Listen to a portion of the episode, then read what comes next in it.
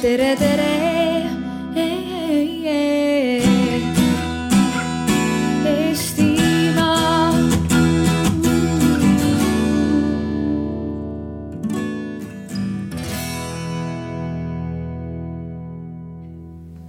Nii, et me alustame äh, mina olen siis Kene Vernik ja, ja olen selle teema siin üles püstitanud, kuna igapäevaselt selle teemaga kokku ma puutun. ja, ja teemaks on meil siin siis see, et äh, kas Eesti lasteaedade lõunavõinaku pikkus on mõistlik või mitte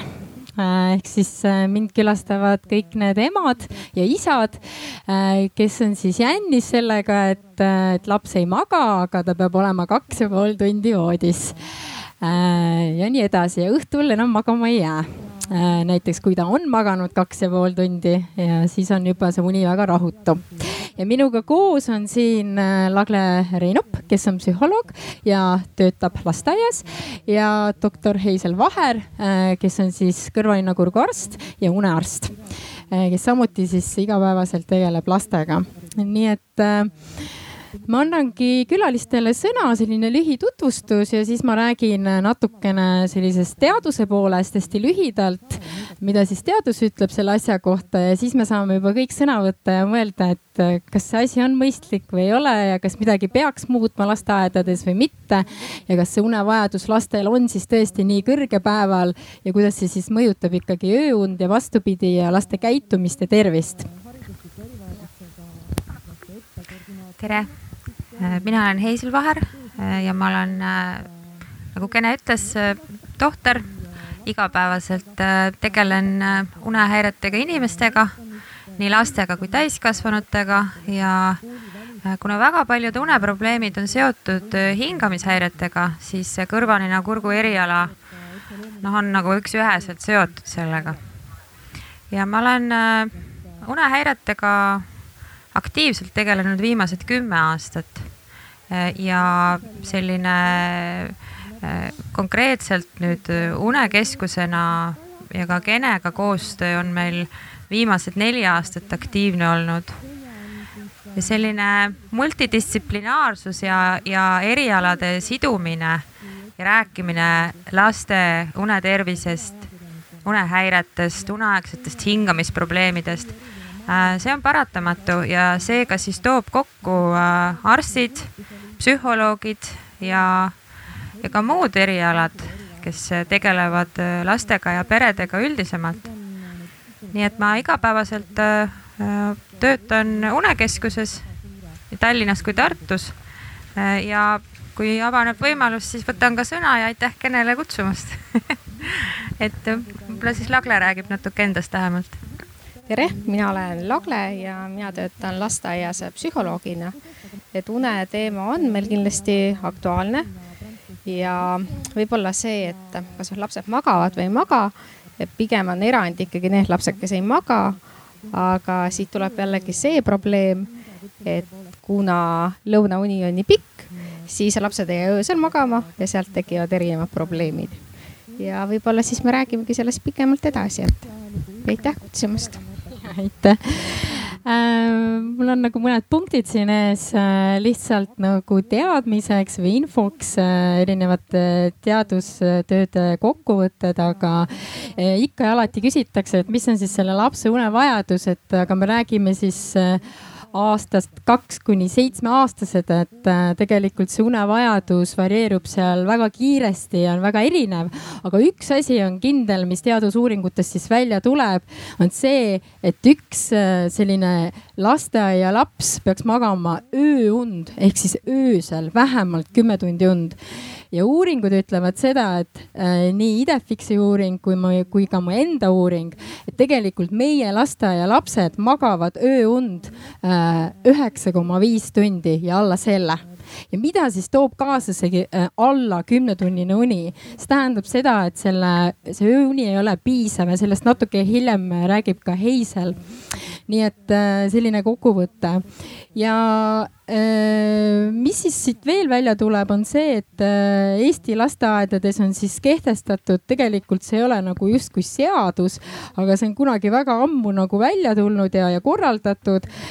juba nõukaajal, et, et äh, pidid lapsed siis olema voodis keskmiselt kaks kuni kaks koma viis tundi, mis siiamaani on jäänud. et kui ma oma uuringut tegin äh, magistritöö raames, siis äh, seal osales äh, kaheksa lasteaeda ja nendest üks lasteaed oli kehtestanud oma siis äh, lasteaias reegli, et nad võivad siis kaks tundi olla, aga alla selle ei olnud nagu ükski lasteaed nagu kehtestanud äh,. ja ja tegelikult siis see paragrahv, mis praegu siis äh, tervisekaitsenõuete eeskirjas kirjas on, et ütleb seda, et äh, päevakava kohaselt võimaldatakse ühe kuni kolmeaastasele lapsele vähemalt üks kord päevane uinak ja vanematele lastele võimaldatakse siis tegelikult selline rahulik aeg. see tähendab seda, et ta ei pea olema voodis ja minu uuringus praegu tuli siis see asi välja, et äh, üheksakümmend kaks vastanut, uuringus oli rohkem tegelikult äh, uuritavaid, aga üheksakümmend kaks lasteaeda siis vastasid sellele küsimusele, et mida siis teeb laps, kui ta ei maga ja mis te arvate, mida see laps siis teeb? ta jääb sinna voodisse, et, et ainult kaksteist äh, last äh, sellest üheksakümne kahest siis oli see, kus tõsteti siis sealt voodist välja, kui ta ei maga. et ülejäänud siis jäid sinna voodisse ja siinjuures ma siis ütlen seda, et nende laste keskmine uinak oli äh, üheksakümmend viis kuni sada viis minutit. Ehk siis äh, natukene alla kahe tunni, nii et äh, vähemalt tund või pool nad pidid siis seal voodis olema. Ja noh, see läheb juba selline nagu kõrgemale riiklikusse süsteemi, kus siis lasteaiad tegelikult ütlevad seda, et äh, probleem seisneb selles, et neil ei ole nagu puhkeaega, neil on väga vähe lasteaiakasvatajaid ja nad vajavad seda aega ja need lapse, lasted, lapsed jäetakse sinna voodisse aga tegelikult see mõjutab laste ööund, millest siis äh, ma loodan, äh, Heisel Vaher äh, räägib, ehk siis milline on tegelikult ühe kahe kuni seitsmeaastase lapse unefüsioloogia kui kiiresti see muutub. et me saaks aru päriselt, et see kaks koma viis tundi tegelikult, mida mina tahan öelda, ei ole normaalne ja mida ka väga paljud uuringud siis kinnitavad, et kui lapse uni ei ole reguleeritud, siis laps ise reguleerib selle une tunniks ehk siis juba kaheaastane äh, metaanalüüs näidavad, näitavad äh, magavad äh, kuni tund. nüüd rääkida sellest, kus algab, äh, millal algab une areng äh, või unefaaside areng peale, siis äh, see juhtub juba üsa sisesi. ja unefaase on, on salvestatud loodetel, inimese loodetel, erinevate teiste elusorganismide loodetel. ja selline faasilisus on olemas, aga see on väga suure varieeruvusega. kui nüüd laps sünnib, siis äh, me hakkame selle ümbritseva keskkonnaga tema unefaase paika panema. lapse und mõjutab mõjutab see, mille läbi ta need stiimulid siis saab, valgus, toit, füüsiline aktiivsus, puudutamine ja see, et äh, sündides on äh, lapse uni äh, mõnevõrra ebaregulaarne ja ei vasta päris lapsevanemate ootustele, seda me näeme ka meie igapäevastes arsti vastuvõttudes. Ehk et lapsevanemate ootused Äh, vastsündinunele ja ka imikunele on äh, mõnevõrra kõrgendatud ja natuke ebaõiglased. ehk et kindlasti äh, selline individuaalne varieeruvus on hästi oluline. aga teisalt jälle perekonna enda tegevus on see, mis väga suuresti hakkab seda lapse unerütmi kujundama. nii et see õhtune kindel magamamineku aeg hommikune ärkamisaeg, toiduajad, toitmisajad ja viibimine naturaalse valguse käes hommikupoole ööd, et see on, see on see, mis äh, paneb aluse äh, sellisele võimalikule heale rütmile, millega lapsevanemad võiksid hakata arvestama kusagil esimese eluaasta keskpaigast, et kuni kuuenda elukuuni tegelikult ei, ei maksa nagu väga võistelda, et kellel laps magab öösel rohkem ja, ja, ja kellel lõuna ajal rohkem, et tegelikult on see lapse uni selline ebaühtlane ja, ja mõjutatud väga, väga palju tema üldisest tervisest ja ja, ja ka asjadest, mida, millele meil ei ole äh, võimalik kuidagi kätt ette panna. ehk siis, äh, ehk siis lapse enda äh, selline individuaalne areng, et me kõik oleme erinevad ja ka meie unevajadus on erinev, et see, need uuringud, mis on ka tehtud, sellest noh, tuleb ka aru saada, et me väga palju räägime sellisel juhul ju statistilistest keskmistest.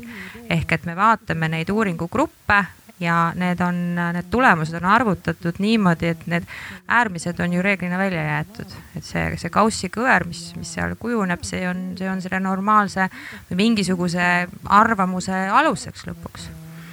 Aga kui nüüd tulla tagasi selle juurde, et, et mismoodi see lapse uni areneb esimese eluaasta jooksul, siis ma rõhutaksin seda, et alates kuuendast elukuust võiks äh, hakata siis ootama seda,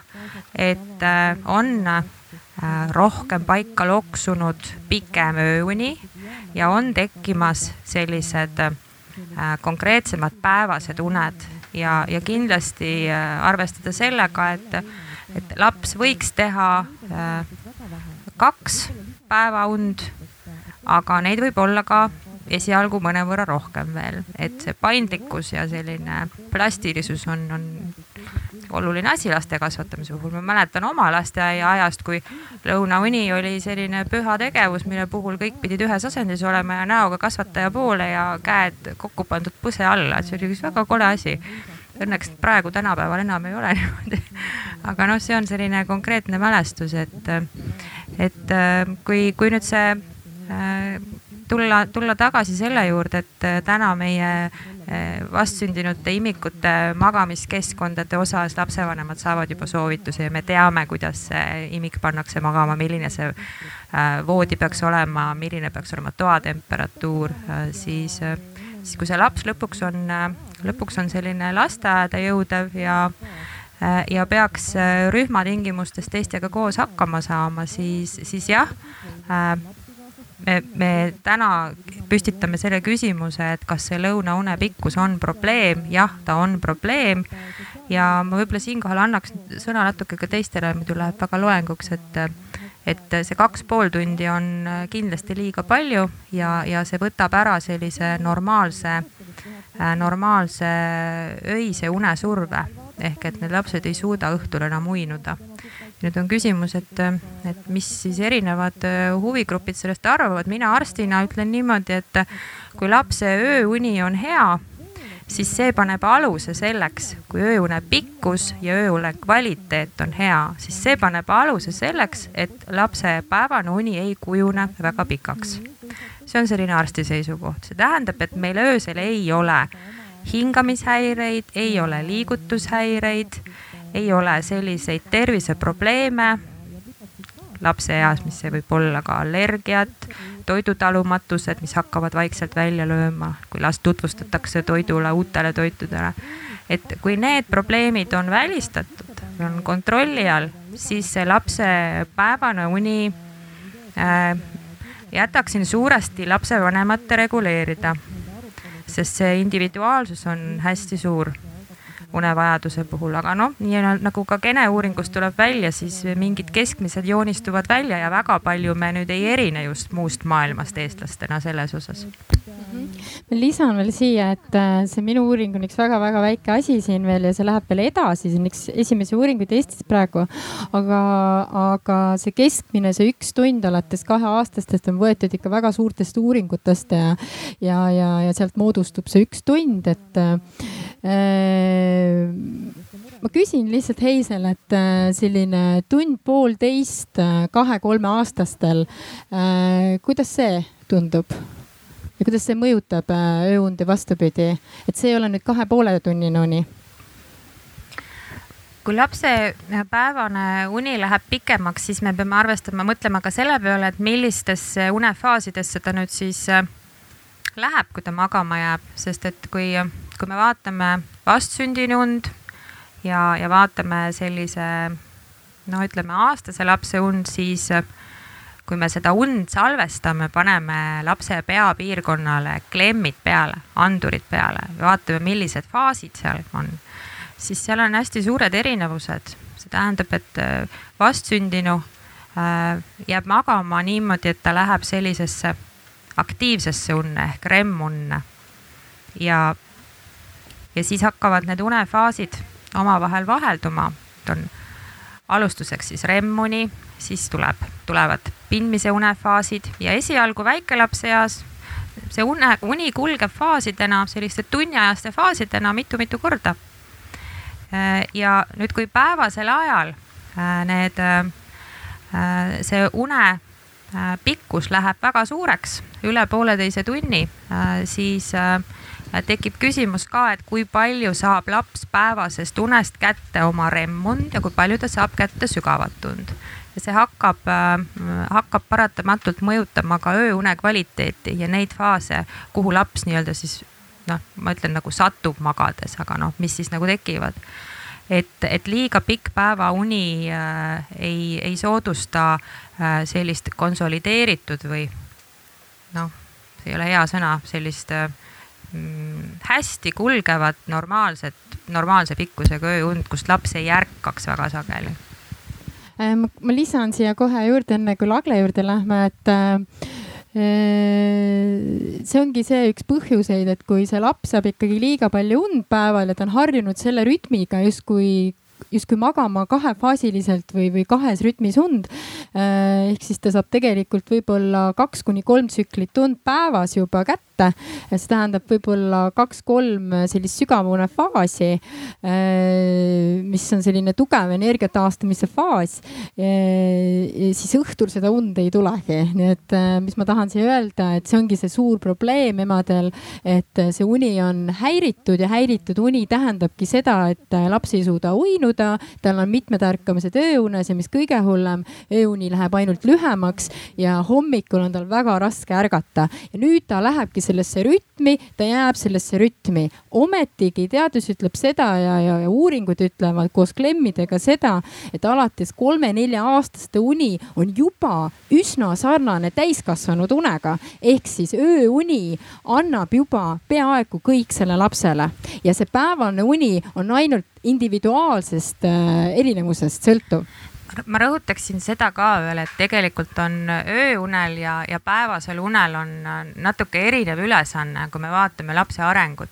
ehk et me kõik teame ja see muuseas on tõsi, et lapsed magades kasvavad. Nad teevadki seda, miks nad seda teevad, sellepärast et sügava une faasis eritub selline hormoon nagu kasvuhormoon ja teatud äh, haiguste puhul näiteks uneapnoe, mille puhul laps ei saa öösel piisavalt õhku kätte. Äh, tekib olukord, kus need unefaasid ei kulge niimoodi edasi, nagu nad peaksid. Ja, ja sügavat und jääb vähem, jääb järjest vähemaks. Ja, ja siis jääb ka nende hormoonide eritumine äh, väiksemaks ja on paigast ära, mis soodustavad lapse kehalist normaalset kasvu. Nii et, et see öine uni on, on noh, võiks öelda niimoodi, vajalik selleks, et laps kasvaks pikkusesse ja laiusesse. ja, ja päevase une osas on, on, on toodud, ma vaatasin siin ka Kene poolt kokku pandud andmeid, natuke teised eesmärgid välja, et see, see päevane uni on, on natuke jah, selline individuaalse varieeruvusega ja, ja päevase une eesmärk on pigem selliste, nagu ma ütlen noh, sellise kõrgema vaimse tegevuse säilitamine ja selle ärksana hoidmine see peab paika, et äh, äh, mälu ja kognitiivne võimekus, aga arengu pool, mida laps vajab, tuleb ikkagi väga palju sellest ööunest äh,. alates siis seal äh, juba teisest, kolmandast, neljandast eluaastast. Ma mõtlen, äh, et et Lagle, et mis sina sellest asjast arvad ja kuidas sina näed, sest sina töötad lasteaias ja, ja, ja tegeled lastega ja, ja millised on mõtted et jah, et võib-olla, et kui siit edasi minna ka selle kasvuhormooniga, et siin on ka ju teatud faasid, et kellaajad, et kuna seda toodab nii-öelda rohkem organisme, see oli ka vist kella kümnest kella kaheni öösel. Et tegelikult noh, praegu on väga sage ka see, et lapsed lähevadki üheteist, kaheteist ajal magama ja nende ööuni jääbki selline seitse-kaheksa tundi, et paljud lapsed tulevad ka seitsmest-kaheksasse lasteaeda juba. ja siis ongi sihuke uni on kuus, seitse, kaheksa tundi, mis on ikkagi väga vähe ja loomulikult on lõunaks väsinud ja nad magavad isegi kaks tundi, kaks pool tundi, et see on ju tegelikult selline nõiaring, et et ja siin on kindlasti ka probleem ongi see, et lapsed tulevad nii erineval ajal lasteaeda ja nende unegraafik ongi erinev, et kui nad tulevad seitsmest poole kümneni. ja on ka selliseid juhtumeid, et kus laps näiteks läheb kell kaheksa magama õhtul ja ta ärkab hommikul kell kaheksa ta on maganud kaksteist tundi ja tal poole ühest tal ei tule kund ja mitte mingi valemiga sa ei saa teda magama, võib-olla ei peagi saama, et, et meil on ka selline lasteaed, kus meil on üle neljakümne rühma ja järjest rohkem me ka proovime rühmades teha seda, et lastele on valik, et kas nad magavad või äh, siis on sihuke vaikne tund, et nad saavad vaikselt mängida. et äh, see tundub nagu praegu ikkagi kõige parem lahendus, aga see peab muidugi olema vanematega koostöös, et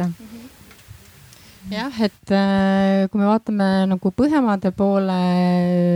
Ameerika poole näiteks, siis seal järjest enam ja enam äh, on ikkagi need lasteaiad, kus siis lapsel, äh, lapse und korrigeerib ikkagi ema, hea, hea teadlik ema. ja, ja, ja tegelikult see laps lõpuks ise suudab ka oma und väga hästi reguleerida ja keegi ega miski teda ei suuna, siis need lapsed äh, ikkagi võetakse voodist äh, välja, kui ta on maganud seal kas siis tund või poolteist või äh, kes kuidas ja ta ei pea siis seal voodis olema. mina mäletan omast ajast, et, et oli küll neid lapsi, kes närisid voodilinu läbi ja, ja ärevusest ja närvilisusest ja, ja nutsid ja, ja kõik see hirm. selliseid uuringuid nii palju ei ole, et kuidas siis selline voodis passimine nagu mõjutab last ennast, et me saame seda ainult öelda oma kogemusest või, või nägemusest. aga võib-olla ma annangi sõna publikule, et me oleme väikse sissejuhatuse siin ära teinud, mõtteid jaganud, et kas kellelgi on küsimusi või, või soovib keegi jagada oma mälestusi või, või, või, või kellel on äh, lapsed lasteaias ja, ja kes on siis kogenud seda probleemi, et, et vot jama on selle asjaga. ja kas on üldse jama?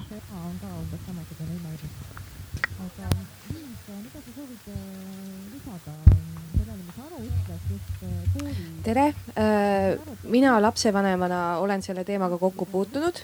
et äh, minul on kaks last. Äh, ja kui mu vanem laps ehk siis eelmisel aastal, kui ta oli kolmeaastane, tekkis lasteaias korraga nagu probleem, et meil on liitrühm, meil on hästi väike lasteaed, mis tähendab seda, et kolme kuni seitsmeaastased on koos ja pannakse koos magama. ja meil on osad lapsed, kes ei taha magada lõuna ajal, kelle vanemad siis võtsid teemaks, et aga miks sunnitakse lapsi magama. ja, ja tekkiski noh, selles mõttes see, milles probleem oli tegelikult see, et õpetaja isegi oli nõus võtma neid lapsi, kes ei maga eraldi, aga probleem oli nagu sellistes äh, ruumi äh, parameetrites, et kui ongi üks ruum või kaks ruumi, kus ei ole ust vahel siis on tegelikult ka nendel lastel, kes ei maga ja siis pannakse nad sinna teise ruumi, öeldakse nüüd olge hästi vaiksed, nüüd on vaikne tund. tegelikult see on ju lapsel ka nagu raske, et, et ta peab nagu ennast kuidagi nagu suruma alla oh,, nüüd ma ei tohi häält teha ja vahepeal ikka ju noh läheb nagu lõbusamaks see asi, eriti kui neid on rohkem kui üks seal. et meil oli täitsa nagu tõsine, mitu kuud kestev väga tõsine selline arutelu. ja kuna põhimõtteliselt lõpuks lahenes see sellega, et et äh, õpetaja võttis siis need, need lapsed, kes, kes ei tahtnud magada, garderoobi ja istusid seal garderoobis väikse lauakese taga ja tegid seal midagi, et noh, et see nagu niimoodi lahenes. aga kuna sügisest avati nüüd ka teine rühm, kus on äh, väiksemad, siis, äh, siis natuke on see nagu mulle tundub, et nad on saanud sellega nagu mängida, et, et, et need suuremad magajad sealt suuremast rühmast suuremad magajad, kes on veel nagu ea poolest nagu väiksemad, saab suunata sinna väiksemasse rühma, et, et see natuke on leevendanud, aga kui on näiteks ongi ainult üks rühm ja liitrühm, siis ma kujutan ette, et see probleem võib paljudes lasteaedades väga terav olla. Kommentaari korras lisada, mul tuleb meelde üks äh, kunagine vestlus äh, ühe perega Ameerikast, kus selle uneteemaga on märksa kauem tegeletud, kui, kui meie oleme selle peale mõelnud. Ja, ja tookord oli väga kummastav kuulda seda, et sealsetes päevahoidudes on päevane uni lahendatud nii, et äh, lastel on sellised, äh, laotatakse laiali sellisesse äh, rühma vaiksemasse ossa siis sellised lavatsid, kuhu nad saavad minna ja pikali visata tollel ajal noh, minule väga värske lapsevanemana tundus see tõesti arusaamatu, et kuidas see on võimalik, et meil on ikkagi lapsepäevane uni on püha, siis võtad riidest lahti, sa lähed ilusti linade vahele. mõnes lasteaias praktiseeritakse ka hammaste pesemist, no noh, selles mõttes nagu uskumatu tublidus ja, ja kust need pedagoogid selle jõu võtavad, ma ei kujuta ette. selle hammaste pesust võib veel pikalt rääkida, mida lasteaedades tehakse. aga, aga tegelikult see küsimus, et, et kui me tahame jõuda äh, võimalikult sellise Äh, loogilise kulgemiseni lapse unerütmides ja lasta tal natuke nagu rohkem endal otsustada või ka siis anda see otsustusjärg nagu lapsevanemale, kes võib-olla hommikul ütleb kasvatajale, täna on see päev, kui ta võiks päeval magada. ja võib-olla teisipäeval ütleb, et täna-homme pole oluline, et meil on kõik väga hästi, ööuni on väga hea olnud, ta ei vaja seda täna et siis võib-olla me vaatame otsa sellele, et see, see päevauni lasteaias saabki olema selline noh, mitte, mitte nii ähm, mitte selline nagu öösel, et, et võetakse riidest lahti, minnakse voodisse magama. et, et see on tegelikult üks äh, täitsa tõsine mõttekoht, kui, kui hakata järgi mõtlema. jah äh, kui ma rääkisin lasteaia direktoritega selle uuringu käigus, siis ma alati ikka küsisin, et et mis võimalused lasteaedade, lasteaias on, et äh, kui need lapsed ei maga, et noh, et, et okei okay,, et et kas te nagu mõne lapse võtate välja ka või ei võta, siis üks lasteaed oli selline lasteaed, kes võtab oma lapsed äh, voodist välja ja neil on eraldatud ruum ja, ja, ja mõned kasvatajad, aga ülejäänud äh, seda ei tee. ja, ja põhjus on siis selles, et äh, ei ole kasvatajaid ja kasvatajad peavad puhkama ja sellel ajal nad teevad koosolekuid äh,. nii et tegelikult me ei saa olla nagu kurjad ka nende lasteaiakasvatajate suhtes ilmselgelt äh,. probleem on palju kõrgemal Äh, kas ei ole ruume, ei ole töötajaid, ei ole reguleeritud süsteemi ja ollakse hästi tugevalt kinni selle kahe koma viie tunnises unes, et meil on ju lubatud teda hoida, et me siis hoiamegi nagu teda seal voodis ja nii ongi, see on täitsa fakt ja see on täitsa loomulik asi ja. aga kui me vaatame siis neid uuringuid, siis et kuidas see mõjub lapse arengule, siis see tegelikult mõjutab lapse arengut absoluutselt ja väga suuresti. ja kuidas see mõjutab siis lapsevanemaid teistpidi, on see, et, et äh, lapsevanemad on närvilisemad ja, ja kui see laps hakkab selles rütmis olema, siis ma ikkagi kinnitan seda, siis uni läheb väga hiliseks ära. muidugi osadel lastel on kõrge unevajadus ja siis on päris hästi, kui ta magab kaheksast seitsmeni ja magab veel päeval kaks koma viis tundi. aga see on väga harv juhus, kui seda teeb äh, tegelikult äh, vanem kui kaheaastane laps. väga harv kui vanemal kui äh, sellisel kaheaastasel lapsel on väga suur unevajadus päevasel ajal, siis me peaksime mõtlema selle peale perearstiga korra nagu nõu pidama, et, et, et lapse tervise üle käima, et kas on kõik hästi, kas on kõik õige ja natuke ka mõtlema lapsevanemate nõustamise peale öise une suhtes. et ma korra juba mainisin seda, et kui, kui lapse öine uni ei ole piisavalt pikk või kui see ei ole piisavalt hea, ehk see on tervisehäirete poolt äh, rikutud, siis sellisel juhul ongi lapsel suurem surve päeval magada. Need on needsamad lapsed, kes näiteks äh, väga kergesti jäävad autos magama, kui sõidetakse ühest kohast teise ja see sõidu pikkus on seal poole, rohkem kui poole tunni ringis. et, et need on äh,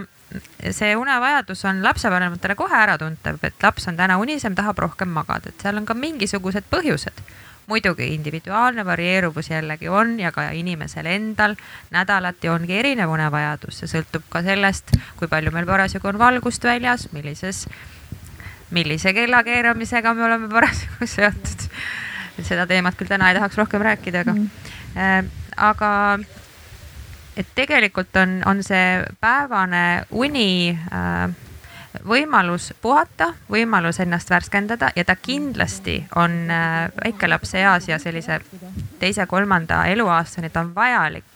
aga üle selle vanuse seda ei tohiks enam, ma ei saa öelda nagu soodustada, aga seda võiks nagu pakkuda, aga mitte suruda ja jah, ja see une, une, une või lõunahinnaku pikkus on nagu ja lõunahinnaku vajadus, aga see pikkus võib olla siis nagu dramaatiline sellele lapsele. ma küsin äh, Lagle ja siis äh, kuulajale küsimus, et, et et äh, mõlemad on eksperimenteerinud ja on võimalus lastel siis äh, mitte jääda sinna voodisse, et kas te olete näinud ka nagu erinevusi käitumises, et neid uuringuid on ka tehtud, et kui need lapsed, kes magasid vähem und, lõunauinakut äh, tegid vähem ja need, kes pikemalt, et siis seal on erinevused käitumises ka nagu äh,. muidugi käitumise erinevus on eriti suur nendel lapsel, lastel, kellel on lühike ööuni. ilmselgelt nad on väga halvas tujus hommikul, väga pikalt ja see päevane uinak ju kosutab neid neid ja pärast seda neil on just noh, natuke nagu parem olla ja nii ongi aga, aga Lagle, oled sa märganud mingeid erinevusi ka, et, et just laste käitumises ja, ja need, kes, need lapsed, kes siis magavad vähem või, või tegelevad seal oma asjadega, et on see nagu, on see võimalik ja mis see?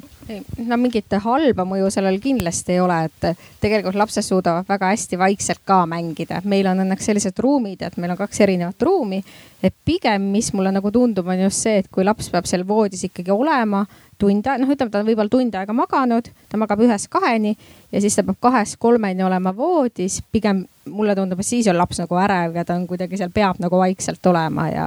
et me proovime ka seda teha, et okei okay,, et laps magab tund aega ära ja siis ta lähebki vaikselt ülesse ja tegeleb siis oma asjadega. et pigem see on nagu positiivne, et, et jah. Läheb veel äh, kuulajatele võimalus, äh, alati võite käe üles tõsta, segada, küsida kohe juurde. et kas kellelgi on kommentaare?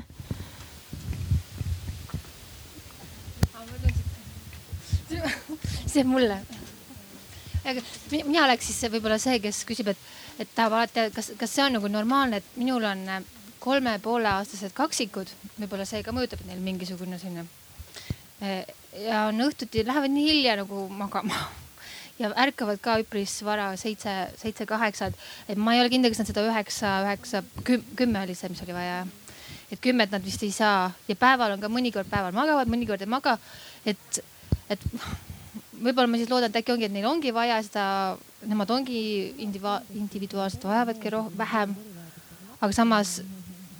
et see ongi see minuga, et ma ei tea, kas, kas kõik on ikka hästi, kas ma üritame küll, teeme kõik oma protseduurid, need äh, asjad ära ja siis tundub, et, et jääb magama ja siis jälle läheb hüppamiseks ja trallimiseks ja kilkamiseks ja et ja kell on juba kümme läbi näiteks, et noh. ma ei, ma ei tea, pean muret tundma vist või, või nõustamisele kuskile minema lapsel, lastel muid terviserikkeid ei ole ja arenevad ja, ja kõik kulgeb kenasti, siis mina nagu üle küll ei reguleeriks ja üle ei suunaks ja üle ei pöörduks, et ega see arsti juurde tulemine on natuke sihuke ikka ebamugav tegevus olnud kõigile. mulle ka ei meeldi arsti juures käia. et, et äh, kui lapsed kulge, nende areng kulgeb hästi ja, ja te emana tegelikult ise saate aru, et noh, nad ei ole ju haiged rohkem kui teised tavapäraselt ja, ja lasteaias tulevad kenasti toime sellega, mida neilt nõutakse, siis äh, ma ei muretseks liialt, et ülereguleerimine on üks kõige halvem asi. see, mis meil paraku on vist juhtumas varsti laste unega. ega nad ei annagi reguleerida, nad ei allu nagu väga siia tulevad juurde jah, nagu kui me räägime natuke sellist unenõustamise tööst, siis äh, vaadataksegi üle unehügieen ja keskkond ja, ja sellised tegurid, mis mõjutavad seda und ja, ja, ja täpselt seda individuaalsust arvestades, et nendel lastel võivadki olla praegu lihtsalt lühem äh, ööuni ja, ja, ja uinakuvajadust üldse ei olegi, et nad on ka sellises eas, et seda ei pea üldse survestama ega suruma. Äh, kui ööuni on tegelikult lühikene ja hakiline, uinumine raskendatud, siis ma hoiaks ikkagi neid täitsa üleval ja, ja, ja vaataks vaataks, kuidas siis ööuni hakkab reguleeruma ja kui ööuni hakkab reguleeruma ja on äh, nagu äh, noh, paremaks läinud ja uinumine ka, äh, siis, siis võib vaadata, kas see vajadus neil tekib üldse. et see käib pigem niipidi. et jah, kas kellelgi on kommentaare, kommentaare, kommentaare, kommentaare, vabandust et kui me räägime siis lasteaiasüsteemist, nagu ma ikka toon selle tähelepanu siia Äh, siis äh, jube hea meel on äh, kuulda emade käest, kes hakkavad nagu lasteaedades revolutsiooni tegema ja kaasavad siis kõik emad, et see on probleem ja et äkki me ikka selle lasteaia saame nagu ära räägitud, sest tegelikult lasteaed suudaks ise reguleerida küll, kui seda teadlikkust oleks rohkem tõstetud ja nad teaksid sellest asjast rohkem, siis nii palju, kui mina oma tööd olen teinud ja selle kolme aasta jooksul päris paljudes lasteaedades käinud, siis pärast seda on nagu hakatud sellele mõtlema küll, et, et, et äkki me ikka leiame selle ruumi ja äkki ikka Liis vaatab neid ja võib-olla siis vahepeal vaatab Annika ja nii edasi, et, et sest neid lapsi tegelikult noh, nüüd ei ole veel nii palju, sest et äh, see süsteem, mis Eesti laste, lastel on, lasteaialastel, et nad magavadki minu jaoks kahefaasiliselt kaks koma viis tundi päeval või tund-poolteist vähemalt ja, ja öösel nii lühikest tund, siis see on nagu hästi sisse reguleeritud, see on juba, ma ütleks, nende geenides juba sees, et nii on, nii on, nii on ja nii peab nagu. aga teistpidi äh, äh, uuring, mille ma ei ole veel valmis saanud äh,, kogudes veel infot, siis näitab, et et need lapsed, kes on saanud vähem ööund, nende uni äh,, nende käitumine päeval on rohkem häiritud ja nende päevauni on pikem ja selle tõttu see ööuni on ka äh, häiritud teistpidi, ehk siis nad ei jää magama ja hommikul on väga raske tõusta. See on nagu põhiprobleem, mille ma praegu lihtsalt olen kätte saanud ja, ja panen südamele, et, äh, et tegelikult äh, kui lasteaia, kui laps on lasteaias, siis võiks sellest nagu rääkida direktoritega ja õpetajatega äh, ja vaadata, mis annab seal nagu korraldada ja julgesti, sest et äh, need emad, kes käivad vastuvõttudel, siis nad lähevadki lasteaeda ja ütlevad, et näe, lapsel, mina tahan, et minu lapsel oleks ühe tunni nuinaks, sest et tema ööuni ei ole normaalne hetkel. ja me alustamegi sellest ja, ja see reguleeritakse ära ja see uni läheb väga ilusaks nagu. Ja lapse käitumine hommikul on hoopis teine, nagu. Ta sööb esiteks et äh, väga paljud lapsed, kellel on ööuni lühenenud, siis nende söögiisu on äh, praktiliselt olematu. Ja, ja, ja nii edasi nii.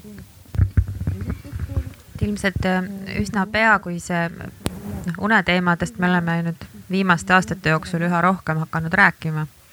et äh, kui, kui uneteemadega saame natuke ühele poole, heas mõttes,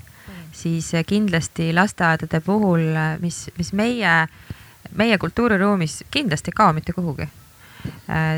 kerkib päevakorrale järgmine küsimus, mis on toitumine, et me siin e-, eelne, enne sessiooni omavahel ka arutasime, et üks probleem, mis laste und väga tugevalt mõjutab, on see, mida ja kui palju nad söövad. et noh, kui, kui rääkida, tulla, hüpata näiteks nüüd nooremasse vanusesse, siis näljane imik on see, kes, kelle uni on kindlasti väga häiritud, aga, aga toitumisküsimused lasteaedades on, on kindlasti üks faktor ka, mis mõjutab laste päevast und nii et see on, see on järgmine teema, järgmine Arvamusfestivali võimalik diskussiooni objekt. kas kellelgi on ideid, et kuidas saab seda asja veel muuta, et? ja, ja. tervist Äh, kas te oskate nimetada, kas Eestis on äh, lasteaedu, kus kohas äh, teie siis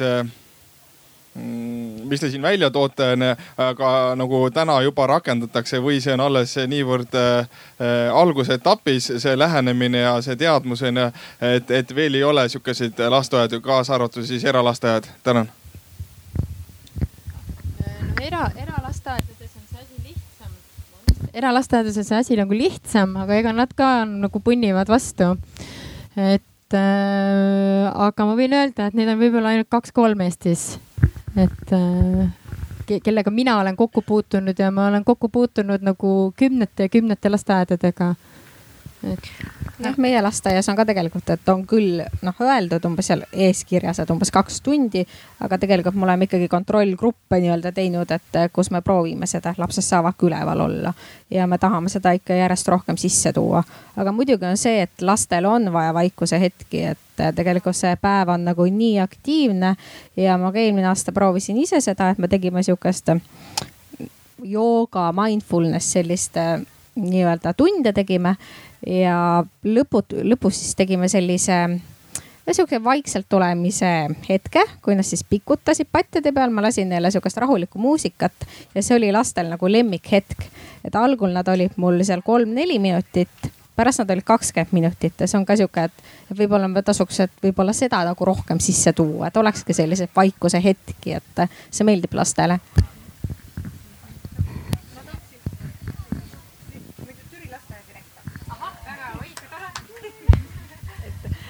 ma tahtsin just äh, hakata rääkima sedasama näidet, et noh, et see, kui see uneosa jääb nagu lühemaks, siis tegelikult ei piisa üksi sellest, et ütleme, et magame vähem, vaid siis tuleb nagu hästi hoolega läbi mõelda, et mis see siis on, mis me teeme selle aja jooksul. sest meil on ka sellist kogemust, et koolieelikute õpetaja ütles, et hea küll, et suured lapsed lähevad kooli, mis me siin ikka magame iga päev. ja siis lapsed olid esmaspäevast neljapäevani igasuguseid asju teinud ja siis reedel ütlesid, et õpetaja, kas me tohiks täna magada et noh,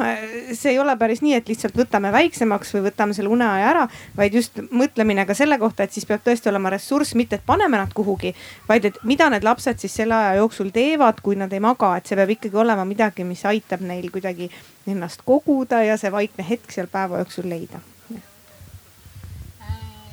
jah, tegelikult on täitsa olemas selline väga kindlad äh, tehnikad ja selline struktuur loodud ameeriklaste poolt ja Ameerika lasteaedades tehaksegi siis neid samu teadveloleku hetkesid ja harjutusi, neid on nagu meeletult palju äh,.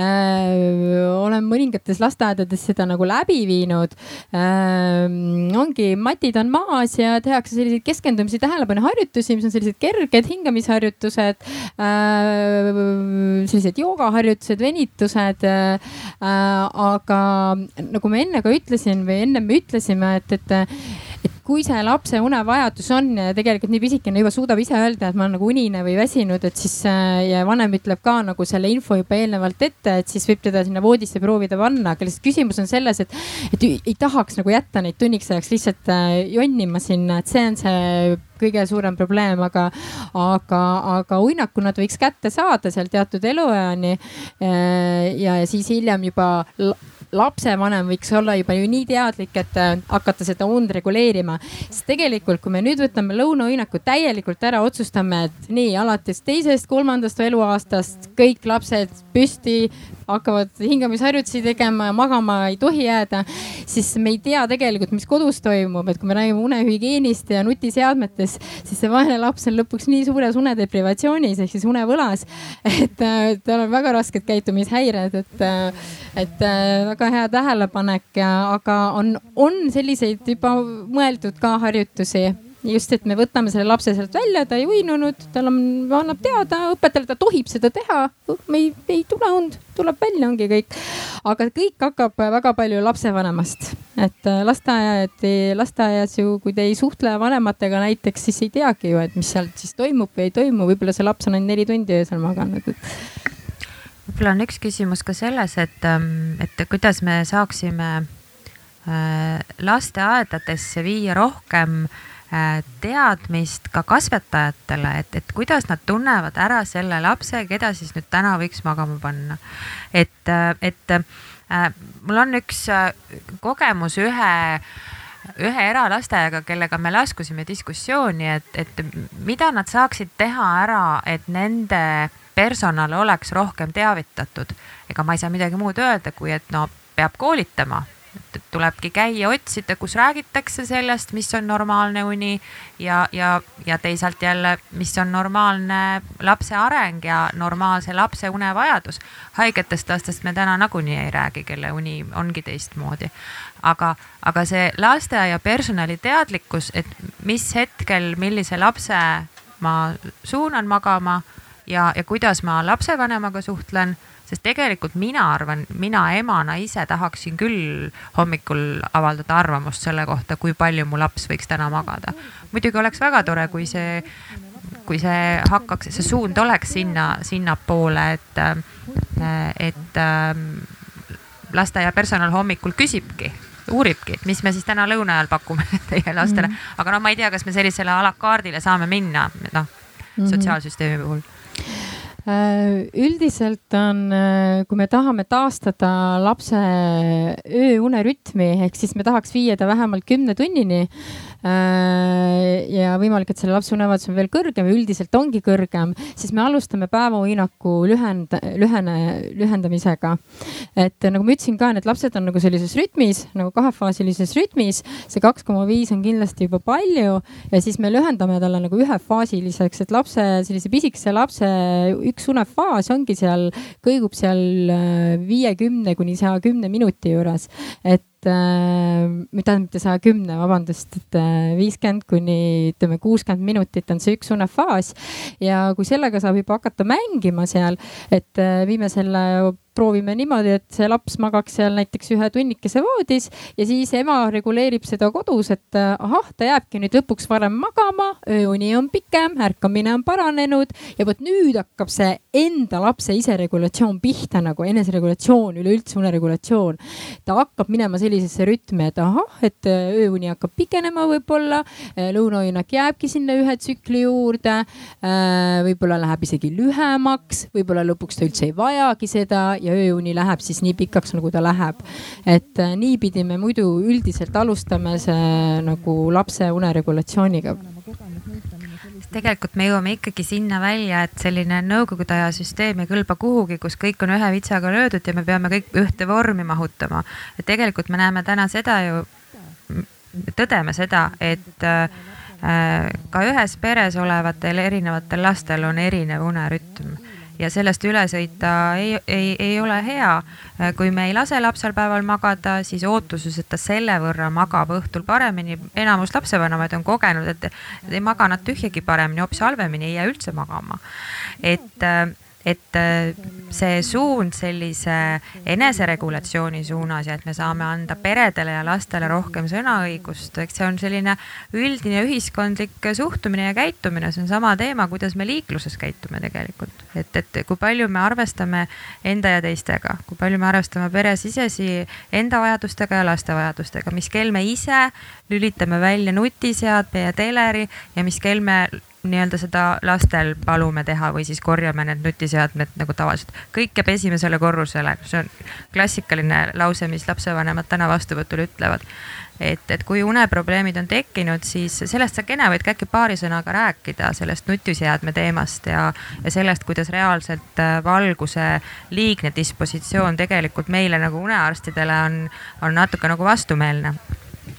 ma ütlen siia lõppu veel seda, et, äh, et, et äh, sellele küsimusele, et kuidas me siis nagu saame selle asja nagu reguleeritud. et kui ongi need vanemad nagu teadlikumad ja, ja lasteaial, lasteaed võimaldab äh, lastele seda rahulikku aega, mitte siis voodisoleku aega, siis tegelikult asi on suures joones lahendatud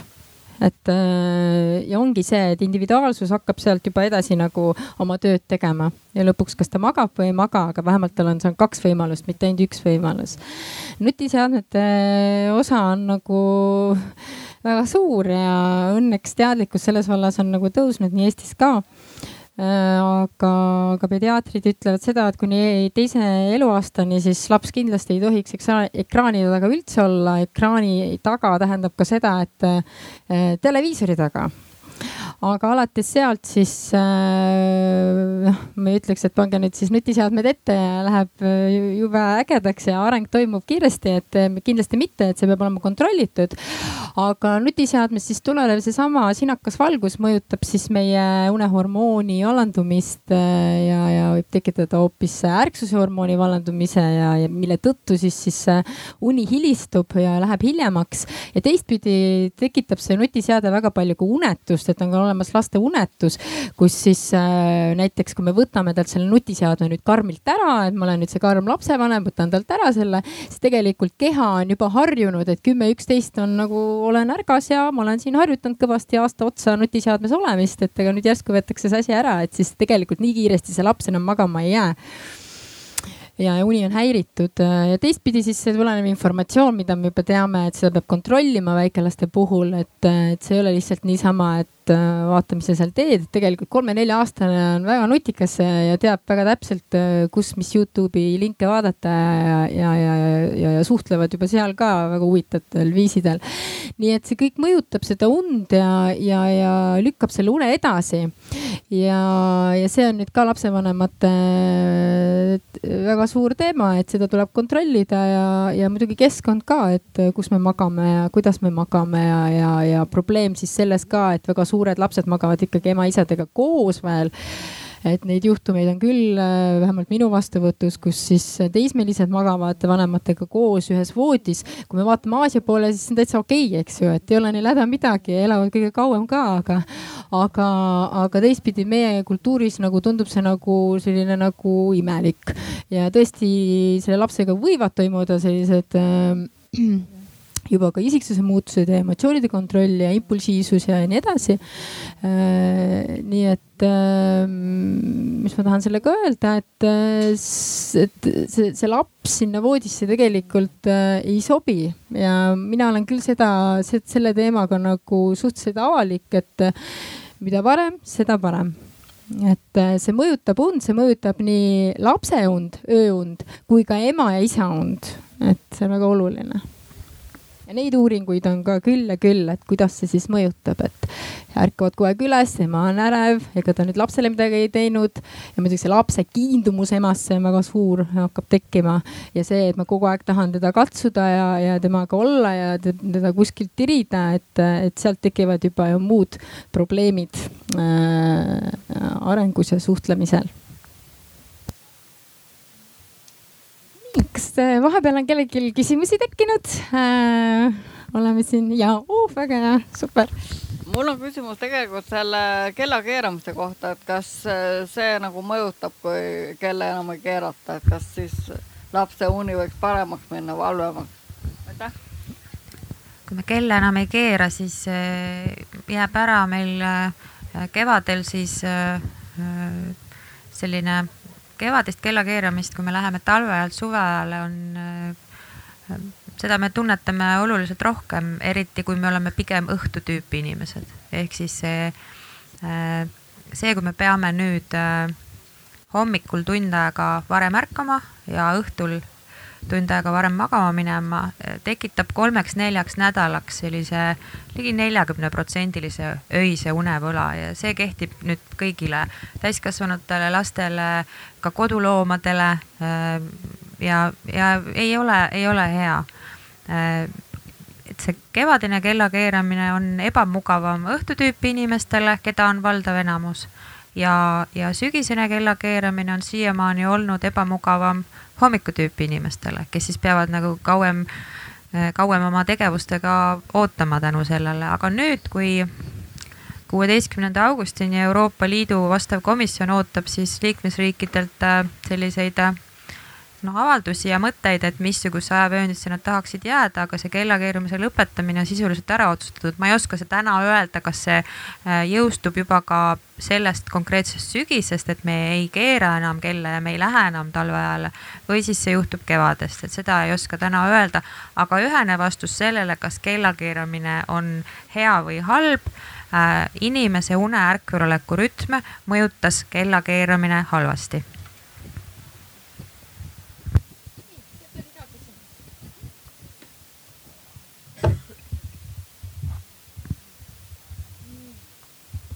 nüüd kohe mitu küsimust, aga, aga äkki selle lasteaedade teema kohta veel, et, et, et me siin räägime ja, ja noh, et, et, et see kõlab hästi mõistlikult ka, et nagu, et individuaalne selline lähenemine, et lapsed, et me usaldame lapsi, nende vanemaid ise otsustama, kui palju nad mingil päeval und vajavad. aga, aga kas ei, kas ei oleks mõistlik kui ma mõtlen meie lasteaia direktori peale, et noh, et, et tema oli ka hästi selles äh, lasteaia põhikirjas kinni, et, et põhikiri ütleb nii ja justkui see põhi, põhikiri, põhikiri on mingisugune piibel, mida ei saa muuta. et seda, seda ei anna nagu ümber kirjutada kuidagi, et nüüd nii on ja nii peab olema. et, et kas, kas lasteaia direktoritele kuidagi seda teadmist nagu rohkem või, või, või pakkuda kasvõi seda nagu, nagu inspiratsiooni või sädet, et teate, saab nagu niimoodi ka, et äkki te katsetate, et noh, ärge siis muutke põhikirjaga, katsetage. et kas see ei oleks nagu võimalik mm? -hmm. et see tegelikult ei olegi seadus, et seal on lihtsalt öeldud, et alates kolmeaastaselt neile peaks võimaldama rahulik aeg, aga seda ei võimaldata ja, ja kui ma ütlesin ka nagu direktoritele, et noh, et, et, et siin öeldakse, et nagu peab võimaldatud olema,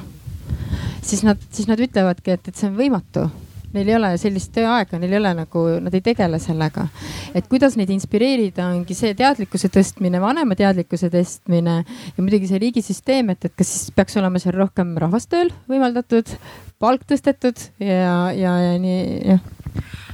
mina mõtlen, minu lapsed käisid küll täpselt samasuguses lasteaiahoones nagu mina ise kunagi käisin, et ma ei kujuta ette täna, et kuidas meie tänane lasteaiasüsteem, kus valdav osa lasteaedu ikkagi ju toimetab nendel samadel vanadel U-kujulistes majades, et kuidas seal seda teha, sest et see jääb ju praegu personali taha kinni, on mul õigus? Et, et see on, see on see koht, et, et kes siis selle lapsega tegeleb sellel ajal, selle lapsega, kes ei taha magada, sest missugusel ajal tõesti see personal ka võtab oma selle puhkeminuti, missugusel ajal nad teevad oma mingisuguseid vajalikke vältimatuid paberitöid ja ka koosolekud on tihtipeale ju selle lõunaune ajale pandud. et äh, see küsimus äh, kuulajalt või, või siit ka auditooriumist oli väga õigustatud, mis me siis nüüd teeme, et nüüd me äh, räägime ja tõdeme, et väga oleks vaja midagi teha, kuidas siis seda muuta muutust ellu viia. Äh, mina olen Eesti Unemeditsiini Seltsist ja on ka kene, et äh, meie saame seal seda teemat tõstatada ja kui tuleb ka lasteaedade poolt huvinoot, siis me saame ka minu pärast äh, sellise ühismemorandumi allkirjastada, seda esitada vastavatele jõustruktuuridele ja sealt vaikselt hakata liikuma, et üleöö kindlasti midagi ei muutu. samas on positiivne kuulda, et on sellised nagu katse-eksitusrühmad olemas, kus vaikselt proovitakse, et ega, ega teisiti ei tulegi, kui kui meil on sellised eh, huvitatud inimesed olemas lasteaedades, personali hulgas ja lapsevanemate hulgas, kes ikkagi täna vist juba nõuavad oluliselt rohkem, kui me kohati tahaksime, et nad nõuaksid. Et, et siis, eh, siis sealt need muutused vaikselt peale hakkavad. et see tuleb nagu väga palju ka usaldusest, et, eh, et okei okay,, et me siin paar inimest ütlevad, et nii võiks olla õige, aga kus on uuringud, et Eestis ei ole selliseid longitud uuringuid tehtud ja, ja sellega on nüüd alustatud ja, ja, ja seda me jätkame nüüd Tartu Psühholoogia Instituudiga ja, ja, ja, ja loodame sealt saada täpselt sellised vastused, et, et meil on nagu midagi ka nagu käes, et, et nii on ja me peame seda muutma, et me lähemegi ülespoole ja teemegi sellest äh, päris suure nagu uudise, kui see kõik äh, vastab sellele, äh, mis mujal teadusuuringud tulemustega näitavad tegelikult. ja, ja ma ütlen, et need kindlasti tulevad selliste tulemustega sellepärast et Eesti laste ööuni, lasteaia last, väikelaste uni on Põhjamaade ja Euroopa üks kõige kehvemaid üks kõige kehvemaid. Ja minu mõte või noh, ma nagu ennustan seda või ma nagu arvan, et, et see tuleneb ikkagi väga palju sellest, et meil on nagu väga karm kahe koma viie tunnine lõunahinnak, sest et kui me vaatame Soomet ja Rootsit ja Norrat, siis neil seda ei ole. Ja nende ööuni on lastel üle kümne tunni vähemalt, üle kümne tunni, isegi rootslastel oli seal kümme koma viis ja üksteist nagu, mis ütleb samas põhjamaalase ööuni ongi pikem lõunamaalastel on alati lühem. et meil peaks ka väga pikk ööuni olema tegelikult, aga ei ole seda. ma, ma kardan, et see üks nüanss on selles kinni nagu, ma nagu, ma, ma kahtlustan ma veel ka tahaks edasi öelda, et ega lasteaed ei ole mingisugune kole kivistunud institutsioon, kus lihtsalt põhimõtte pärast midagi ei tehta, sest nii on õige. ma arvan, et siin on võib-olla rohkem see, et infot, teadmist, et äh, kui see mõte jõuab nagu kaugemale, noh mina ei tea, ma mõtlen ka, et ma nagu direktorina pole kunagi väga süvenenud sellesse, noh, et ma tean, et rühmad teevad erinevalt, osad magavad pikalt, osad magavad vähem. et ma ei ole nagu kunagi pidanud oluliseks sinna sekkuda, sest ma ei tea, et ma, et see, et sellel oleks nagu mõtet. aga üldiselt lasteaednik tuleb kaasa küll ju igasuguste mõtetega tuleb kaasa. kui on nagu noh kuskil mingisugune selgitus taga, miks ta seda peab tegema, et pole nagu noh, niisama me ei torma mingit pidi. kui on nagu mingi põhjendus seal taga, selgitus seal taga, kui infot on, millest lähtuda, siis tegelikult on kõike võimalik ju sätitada, aga peab teadma lihtsalt, see ongi see absoluutselt. ma tahtsin seda veel öelda vahele, et, et tegelikult ei ole meil ju probleem täna ärkvel olekuga, meil on probleem ööunega. et, et see see, mille ümber ka see kellakeeramine on tiirelnud, on see, et, et meil on, äh, meie ööune kvaliteet on halb, kuigi täiskasvanud eestlastel läbi viidud uuring, mis vaatas täiskasvanute magamisaega, et eestlased ei esine väga halvasti seal, isegi päris hästi. siis laste kohta me sama öelda ei saa ja see on, see on nüüd minu nagu arsti kogemus ja Kene saab öelda oma äh, nagu terapeudi ja, ja, ja spetsialisti kogemus on, on põhimõtteliselt sama. et äh, et tegelikult, kui me päevaune kvaliteeti saame paremaks, äh, saame seda und natuke lühemaks üleüldiselt, siis tõenäosus on väga suur, et ööune kvaliteet läheb paremaks, kui lapsel ei ole kaasuvaid tervisehäireid. astmaatikud, allergikud, kogu see grupp on, on äh, noh, keeruline, keeruline toime tulla ka arstidele, et need äh, haigused oleksid kontrolli all, aga aga õnneks vanemate teadlikkus on suurenenud ja ka lasteaedade teadlikkus, kui ma nüüd räägin allergiahaigustest, et, et see, see võib-olla ei ole täna selline põhi, põhiküsimus. See, see mentaliteet või see dogma või see mõte on nagu ikkagi väga paljudel vanematel sees, et kui vastuvõtul rääkida sellest teemast, et kuidas me nüüd seda ööunerütmi lapsel hakkame korrigeerima, et siis see imestus on ikkagi väga suur äh, vanematel, et mis mõttes, et me lühendame äh, lõunauinakut, et see pole võimalik ja lasteaed ei võimalda seda ja ma ütlesin, aga küsige. ja tegelikult, kui nad on läinud sinna ja rääkinud sellest, siis ma ütleks, et väga paljud lasteaed on tulnud just nagu eraldi selle lapsele vastu, et okei okay,, et me proovime, vaatame, et paneme ta kasvõi mängima sinna voodisse, et ta ei pea olema pikali teki all, et, et noh, et, et, et, et järjest enam, enam seda tehakse, et see ongi see vanemate teadlikkus ja, ja, ja, ja kustpoolt seda probleemi nähakse. Mul on küsimus, et kas äh, suvel vajavad lapsed vähem und kui talvel või kui, kui päiksevalgus on? Või kuumaga vajavad just rohkem? Kuidas sellega on nagu? Hästi suur varieeruvus, mul ei tule ühtegi uuringut pähe praegu selle küsimuse osas, et ma ei tea, Kene, äkki sa oskad kommenteerida? laste puhul mul ei tule ka, aga üldiselt ähm, äh, suvevalgusega või suveperioodiga tõesti äh, täiskasvanud inimese uni äh, üldiselt kergelt lüheneb just selle valguse pärast, sest valgust on väga palju Äh, ja, ja, ja tihti inimesed hakkavad ka väga vara, vara ärkama, aga see tuleb juba sellest, et inimestel ei ole pimendavaid ruloosi ees nii et äh, see on nagu kahe otsaga asi, aga üldiselt äh, kergelt, ma ei tea, äkki paarkümmend minutit isegi, mul praegu lihtsalt turgatab üks uuring, me tuleb ette, et, et äkki paarkümmend minutit ta peaks ikkagi lühenema just selle valguse mõju tõttu, kuna valguse mõju tõttu see uni reguleerub ka et äh, ma usun, et lastel on, äh, on võimalik, et sama, aga ei pruugi, ei pruugi.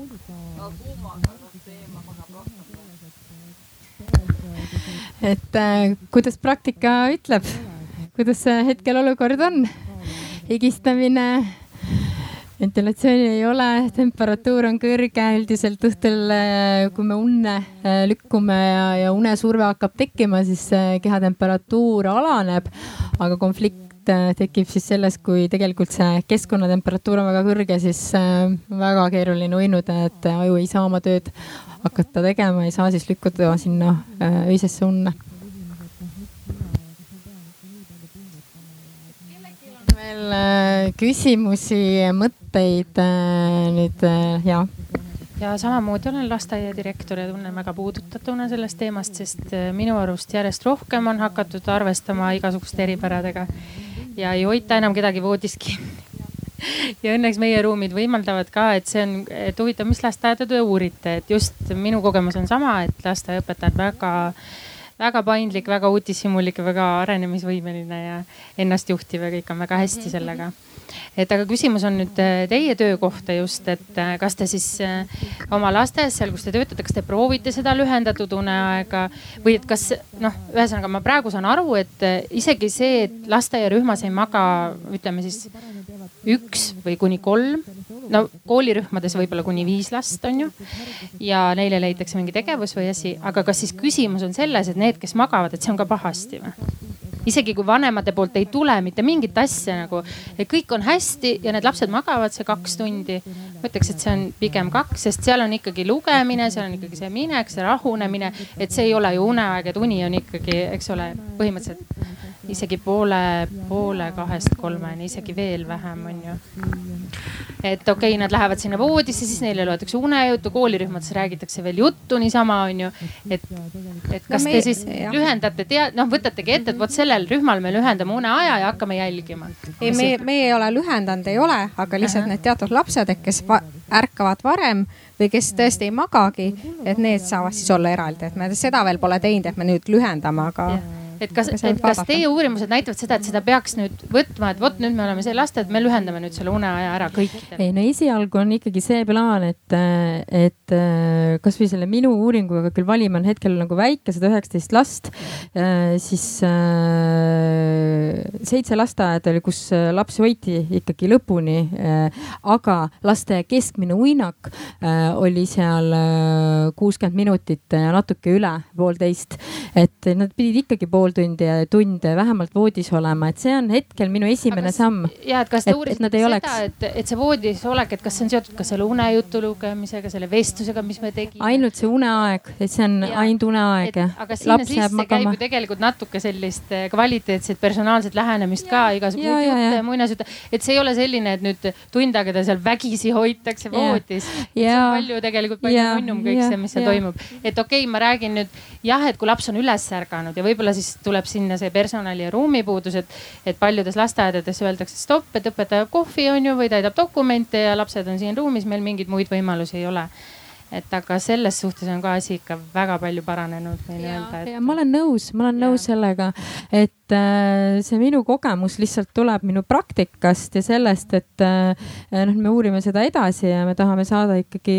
hulga-hulga äh, lasteaeda, kogu Eesti, Eesti lasteaedade süsteemi kätte. et aga lihtsalt see, need lasteaiad, kus ma olen käinud,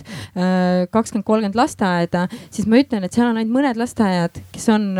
tulevad nagu sellise vaba graafikuga vastu et me võtame nad sealt välja nagu et äh, ja selles uuringus äh, oli ainult üks lasteaed, et see juba ütleb nagu natukene midagi. ja siin on ju, kui me nüüd lähme veel rohkem laiali lasteaiasüsteemis, et siis siin tuleb mängu ka see, et kas on õpetaja, ühe õpetaja süsteem, kahe õpetaja süsteem, kas õpetajad on pikka päeva. et kõik need asjad mängivad seal meeletult suurt rolli, on ju. ja nüüd küsimused, mida te siis uurisite, et, et täpselt sealt, et kui te uurisite näiteks teatud tüüpi on ju neid U-kujulisi lasteaedu, mis on näiteks Lasnamäel ja ongi koosolekud ja mitte kedagi ei olegi panna sinna on ju rühma või et natuke laiemalt, et jällegi ma tahaks, et teie ka natuke räägiks oma tööst, et siis on natuke rohkem lasteaia noh, et, et mismoodi teie seal seda teete täpselt? no meie lasteaed on läinud ikkagi enamuses kahe assistendi, ühe õpetaja süsteemi peale ja järjest rohkem tuleb ka liitrühmi et liitrühmad on ka sihuke väljakutse omaette, kui meil on kahe kuni seitsmeaastased lapsed, et, et kahe-seitsmeaastasel on erinev unevajadus, et ja ka see ikkagi, et lapsed tulevad väga erineval ajal lasteaeda, et nende ööune pikkus ongi erinev, et,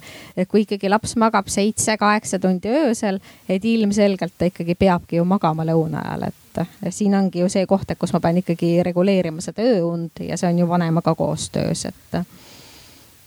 võib-olla siis, kui te ennem ja ma jälle sekkun et kui teil ennem oli see teema, et, et kuidas viia see teadlikkus, on ju, siis ongi ülikoolide seal, kus õpetajad õpivad õpetajaks saamist. vot see osa on see, kus on üks osa õppimisest on ka lapse uinak, lapse magamisharjumused on ju. et kui sinna see sisse viia, siis see jõuab igasse rühma mõne aja pärast ja noh, vane jah, ja vanemate teadlikkus samamoodi ja siin tegelikult ei olegi selle taga, et ei taheta, vaid ei osata ja ei teata, on ju. et ütlen vahele, et,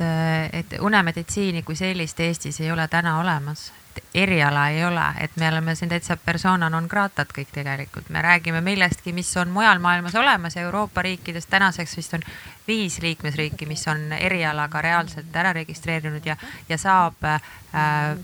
me saame rääkida spetsialistidest, kellel on äh, unemeditsiini või unetervisealane väljaõpe, et täna seda Eestis meil ei esine me võime öelda, et meie Kenega oleme somnoloogid, aga me oleme lihtsalt Euroopa mõistes eksami ära teinud. aga, aga see, et, et me jõuaksime veel õpetaja õppeni, sinna läheb ilmselt veel üks üks hetk aega, sest täna on meil küsimus ka arstide õppes, mis puudutab unemeditsiini ja uneprobleeme. unemeditsiin, see, see on, see on nii unetervis kui ka ma ei tea, unehaigust, sellist mõistet ei ole olemas, aga noh, põhimõtteliselt te saate aru, mis ma mõtlen, et, et seda ähm, see on hästi uus Eestis veel, et Kene ka viitab väga palju uuringutele, mis tulevad paratamatult üle ookeani ehk Ameerikast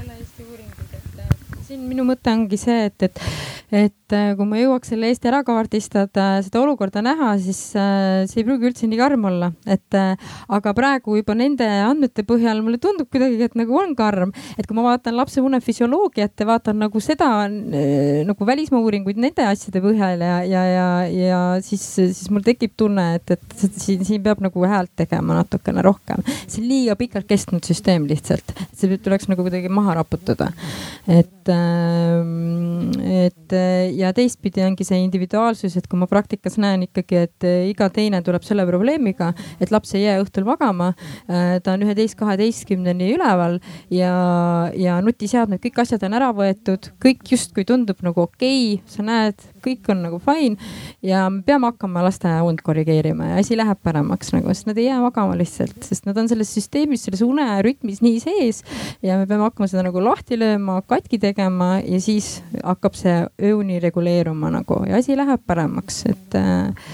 noh, nii, nii palju ma saangi öelda siin, aga, aga see kaardistamine käib ja see võtab äh, veel aega. Et algus on tehtud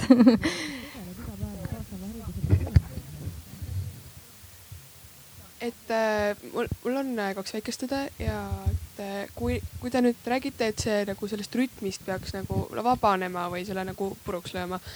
et siis ma arvan, nagu see põhiline lahendus seal oleks lihtsalt, et ku, nagu ma loodan, et ma nüüd väga ei eksi, aga nagu, et lasteaias on rohkem nagu ikka nagu vanemaid inimesi, kes on harjunud selle rutiiniga ja et kaks ja pool tundi päevas, et nagu peaks rohkem nooremaid inimesi koolitama. et nagu, et nagu vana koera ümber ei õpeta me, mina ütleks, äh, ma ütlen, ma ütlen lihtsalt oma praktika kogemusest, et kui ma olen käinud lasteaedades, siis äh, äh, vanemad inimesed on, nad on väga uudishimulikud ja nad väga tahavad teada ja nad tulevad kaasa, et, et äh, nad on valmis tulema küll lihtsalt, lihtsalt isiklik kogemus aga nooremad, kui nad juba teavad, siis saab neid ka mõjutada, et ma arvan, et see on väga isiksuse põhine. minul on olnud kes on olnud eluaeg uudishimulik, see on igas vanuses uudishimulik. ja minul on olnud selline vahva kogemus, et üks lapsevanem, kes äh, soovis, et tema last ei pandaks magama, siis äh, loomulikult ma tulin talle vastu ja ma ei pannud ta last magama. kuid ma ei saanud ka selle lapsega mängida, sest ma pidin olema teiste laste juures, kes soovisid magada. ja sest meil on ikka selline mood, et unejutu lugemine käib kõvasti. see laps jäi alati vaibale magama ma olen ema käest saanud väga pahandada, et ma selle lapse magama panen. aga mul ei olnud tõesti mitte midagi teha, ta lihtsalt jäi see on nii tore, absoluutselt, et äh, kui unevajadus on, siis on ja me ütleme ka, et, et äh, väikelastel on unevajadus päeval äh, võib olla. aga lihtsalt see pikkus on nüüd oluline ja see, et me ei tea, mis seal õhtul toimub kodus ka, et absoluutselt mina olen äh, kliiniline psühholoog, vähemalt õpin selleks psühholoogi haridusega kliinilisel suunal ja, ja unetehnoloog siis kaksteist aastat olnud, kes siis unefüsioloogiat jälgib ja, ja registreerib aju EEG põhjal laste und ja täiskasvanute und. et äh, aga arst ei ole. jah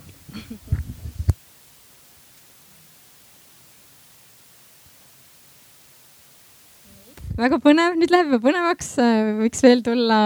mõtteid ja, ja, ja, ja. Et me oleme ise ju täpselt samamoodi selle küsimuse ees, kas see on mõistlik või mitte, sellepärast see küsimus niimoodi ongi esitletud. et me ei, ei, ei täielikult ümber ei lükka, sest ei ole ju materjali, mille põhjal. Me saame ainult isiklikust kogemusest ja välismaa välisuuringutest võtta selle eelmine kord oli küsimus, seekord äh, sihukene mõte pigem, et, et äh, nagu siin räägiti, et äh, lapsed pannakse ka magama, noh lihtsalt, et saaksid koosolekut teha onju ja mingeid muid asju arutada ja puhata no kasvõi onju või paberimajandust seal teha onju või noh, IT-majandust onju. Ja siis oma Äh, lasteaiaajast mäletan seda, et meile loeti Sipsikut onju ja Naksitrall ja, ja, siis veel mingit trips-traps-trulli onju äh, seal unejutuks ette. ja siis kuidas oli kellelgi ja kes soovis ja nii edasi nii, aga mõte selles, et kindlasti on sobilikumad ja vähe sobilikumad ja rohkem peale minevad ja vähem peale minevad erinevad sihukesed lastele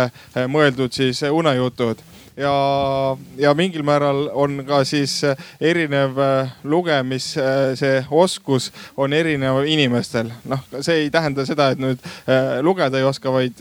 no näiteks kui me võtame siin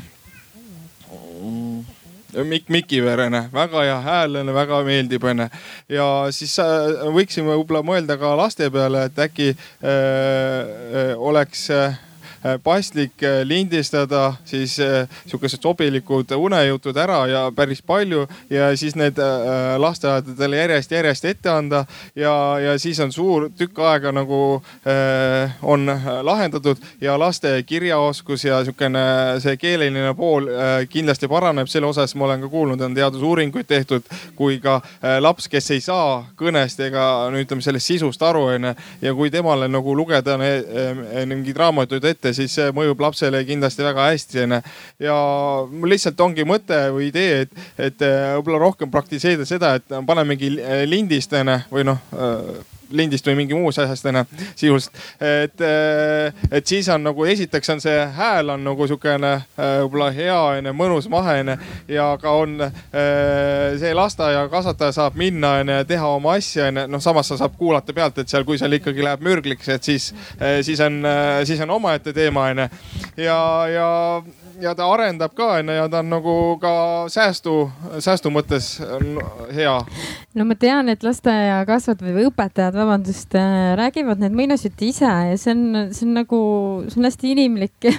naturaalne ja, ja, ja nad teevad seda kogu hinges, et ma ise neid kuulanud ka, et see on nagu tore mõte, et, et nad ikkagi on seal juures ja nad peavad ikkagi valvama seda last, et ja, ja ka need lapsed, kes näiteks äh, tulevikus ei vaja seda lõunauinakuid või, või siis äh, muinasjutu kuulamine kõigile lastele absoluutselt on nagu imeline asi ja see peab olema seal sees, et see võiks olla seal sees. Äh, et äh, ma ei oska rohkem seda kommenteerida, et, et äh, ma olen sellel suunal, et, et ma tean, et lasteaiaõpetajatel on see aeg ja nad teevad seda nagu rõõmuga, et meil mõned, meil mõned õpetajad tegelikult lasevad lindi pealt ka ja meil ah! on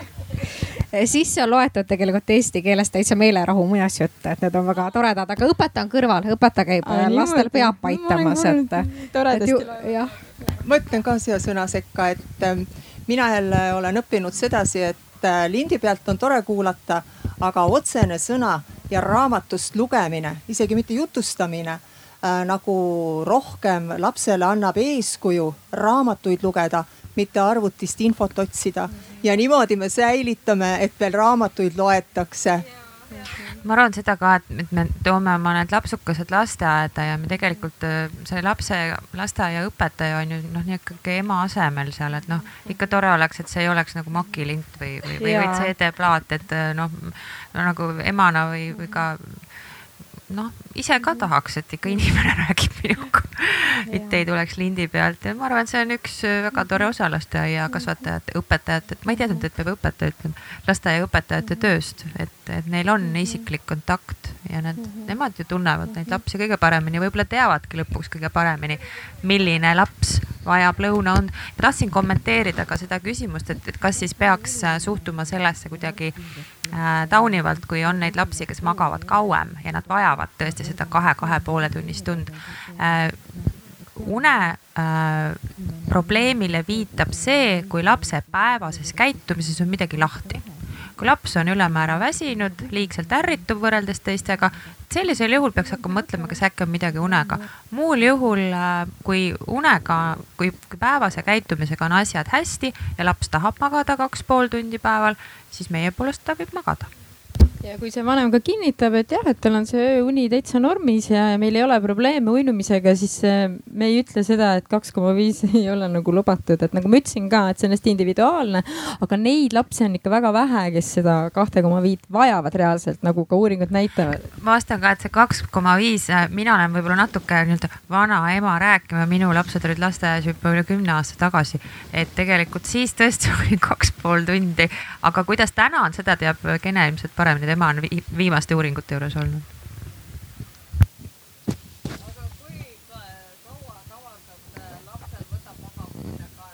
äh, millal, äh, ühe minutites umbes, et millal see uni peale tuleb? unelatentsus ehk uinumisaeg võiks jääda alla poole tunni, et kui see aeg on üle poole tunni, siis me hakkame rääkima sellest, et on raskused magama jäämisel, aga keskmiselt on kuskil kümme-viisteist minutit aga kuidas saaks soodustada magama jäämist näiteks kodus õhtuti, et mida teha, et kas ka lugeda unejuttu või, või mida teha lapsega? Äh, praegune, kui ma nüüd äh, praktikas olen olnud, siis äh, need äh, lasteaiad, kes ei võimalda äh, nüüd sellele lapsele seda, et, et me nüüd korrigeerime lõunauinakut, et ta ikkagi kaks koma viis tundi seal äh, voodis.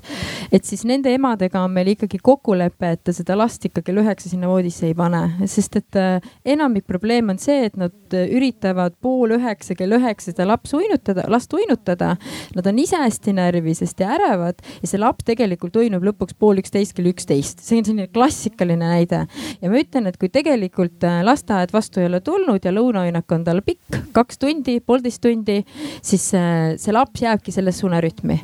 sul, sul ei ole mõtet seda last varem panna voodisse, ta ei jää magama, nii et esimene asi on see, et, et kui lapse uinumine võtab aega, siis äh, panna see laps ikkagi, alustada seal kolmkümmend, nelikümmend viis minutit hiljem voodisse panemisega. kuni siis ööuni hakkab äh, äh, sügavamaks muutuma, aga üldiselt, kui päevane uinak nii pikk on, siis see, see ei ole lihtne nagu aga kas õhtu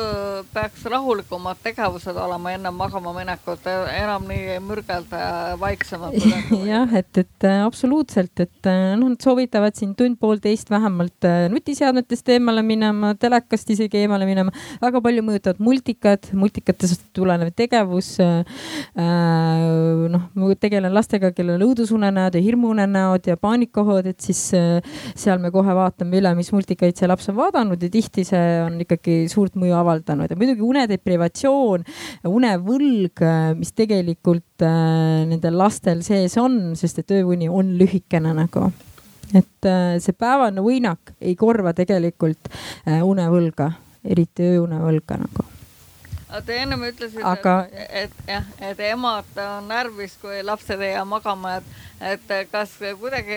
et emad peaksid ise rahulikumaks ennast sundima või kuidas sellest kinnisest ringist välja tulla? Äh, no rahulikumaks nad on üldiselt muutunud sellega, et, äh, et, et kui nad hakkavadki last äh, hiljem voodisse panema, see laps uinub väga kiiresti siis, see rütm hakkab sealt tekkima. ja, ja noh, kui naisel on või emal või isal on ikkagi ärevus, siis tuleb sellega individuaalselt tegeleda, et ja rääkida, et, et, et et, et kuidas siis seda rahulikkust säilitada ja, ja vaadata need, see keskkond ja, ja lapse käitumine üle, et absoluutselt, et seal on väga palju faktoreid võib-olla, et milles see ärrituvus on. see ei pruugi olla alati lapsest, eks ju, et see on muudest tingim-, muudest asjaoludest ka tööpinge, tööstress, elukaaslasega probleemid, tervis, mis iganes teen lihtsalt väikest reklaami, et siin on e, järgmine sessioon peaks hakkama, mis räägib just, kuidas saada endale mitu ärevushäiret korraga Le Vallikivi Eesti Perearstide Seltsist kusagil siinsamas Arvamusfestivalil, et see teema tuleb täitsa jutuks. et äh, veel küsimusi, mõtteid äh, külalistel? et siis me vaikselt äh, tõmbame otsad kokku äh, mul on veel äh, üks küsimus, et äh, kas uneprobleemid on pärilikud ka või see, et noh, kui juba emal ja isal on niimoodi või kui raseduse ajal pole ema korralikult välja maganud, kas siis laps magab ka täiskasvanuna rohkem või kuidas see on? Unehügieen ehk see, kuidas me käitume enne magama minekut ja arvestame neid asjaolusid, mis meil võimaldavad hõlpsamini uinuda, et need ei ole pärilikud, need on käitumuslikud, neid saab kujundada. aga on äh, suur grupp unehäireid, mis on pärilikud ja see on täiesti eraldi loengu teema. Äh, juba korra mainitud uneaegsed hingamishäired on pärilikud, uneaegsed liigutushäired on pärilikud. Äh, tihtipeale me näeme perekonniti kulgevaid näiteks rauavaegu praeguse probleeme, mis on seotud unehäiretega. et, et siin on jah, see küsimus on õigustatud, et kui on äh, peres olnud unehäire äh, ja sellel on haiguslik põhjus, siis see võib olla äh, edasi kandunud ka järeltulijatele kohe väga hilja, ma mõtlen öö, öötööl on olnud näiteks niimoodi et kuidas see, kas lapsed siis vajavad täiskasvanud, noh, tähendab, kas lapsed vajavad siis pärast sündimist ka rohkem und isegi päeval kuidas see on? ma arvan, et rasedusaegne unepuudus mõjutab kindlasti loote arengut ja, ja lapse arengut ja ei mõjuta heas suunas, kui ema on olnud äh, unepuuduses. aga ma ei, ma ei julge väita, et, äh, et, et see mõjutab edasist lapse enda unekäitumist hilisemas vanuses Äh, aitäh. Äh, ma lisan, ma tahan nagu kokkuvõtlikult veel öelda seda, et mul on hea meel, et äh, lasteaiatöötajad või lasteaiadirektorid on kohale tulnud, vähemalt mõned. et ma küsin lihtsalt niimoodi hästi üldiselt, et need teemad, mida me täna puudutasime, need mõtted, et kas see nagu, kas see puudutab, kuidas see puudutab ja kas see nagu andis mingisugust infot juurde, et võite täitsa hõigata ja öelda, et eh, siis me teame, et kas me oleme nagu õiges suunas või, või ei, kohe ei ole õige suund. Äh, ma eelnev, eelneva selle osa, mis ma ütlesin, et tahaksin äh, täpsustada, et ma ei mõelnudki seda, et nüüd ainult äh, lindi pealt peaks tulema, vaid äh,, vaid nagu noh, vaheldumisi, et, et vastavalt sellele, et noh äh,, üks ei välista teist, ütleme niimoodi onju ja, ja samas see noh, on, võib see rahuliku ajal olla osasse minna ja nõnda edasi nagu onju. aga see oli väike replik. et kui keegi tahab midagi äh, lisada veel, äh, siis äh, mul on väga hea meel, et te olete kohale tulnud, et see on hästi tore ja tervendav ja see on, need ongi need see ongi sellepärast me olemegi siin, et, et rohkem äh, lähemal olla ja kontaktis olla nende inimestega, kes tegelikult igapäevaselt sellega kokku puutuvad ja, ja näevad, et kas seda asja annab lahendada ja kes on juba lahenduse leidnud ja kes on tulnud juba kaasa nende asjadega, et see on ainult imeline ja see on hea mõte. et see on nagu, see on nagu selline loomulik asi juba jah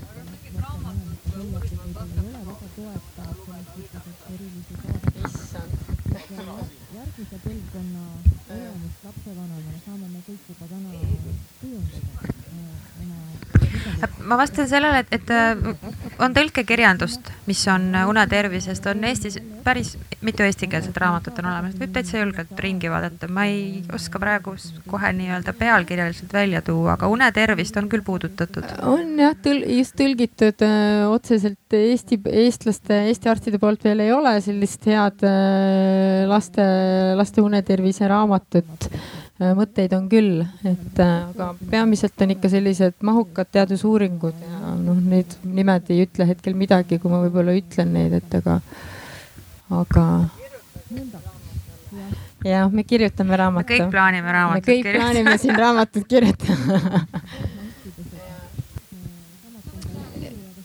jah, ma jah, ma tahtsin aitäh öelda, et äh, see oli väga huvitav teema ja kui me oleme rääkinud sellest, teie olete rääkinud, et vanemate teadlikkus tõuseb, minu arvates vanemate teadlikkus tõusebki sellepärast, kui neil tulevad need probleemid lasteaias, et, et see sunnib vanemaid sellega tegelema, et see ei ole päris see, et vanemad loevad kuskilt midagi ja siis oo äkki minu noh, et, et see on ikkagi konkreetselt nendest juhtu, juhtudest inspireeritud see vanemate teadlikkuse kasv. ja kui ma nägin seda arutelu pealkirja äh, siin kavas, siis ma mõtlesin, vau, et päriselt ka, et, et ma ei oleks kunagi arvanud, et selline teema nagu tõstatatakse, et mulle on kogu aeg tundunud, et see on selline noh, et,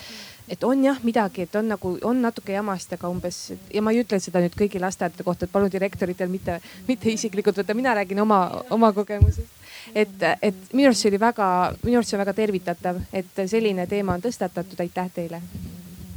aitäh mina tahtsin ka kokkuvõtteks öelda, et äh, lasteaed on äh, muutumises. et kõik see lapsest lähtuv ja lasteaia toitumine, lasteaia uni, kõik see, kõik see, äh, millised on need lapsed, kes tulevad lasteaeda. samamoodi need nutiseadme probleemid, need lapsed, kes jõuavad lasteaeda, kuidas siis pakkuda neile. Nad ei rahuldu enam tavapärasega et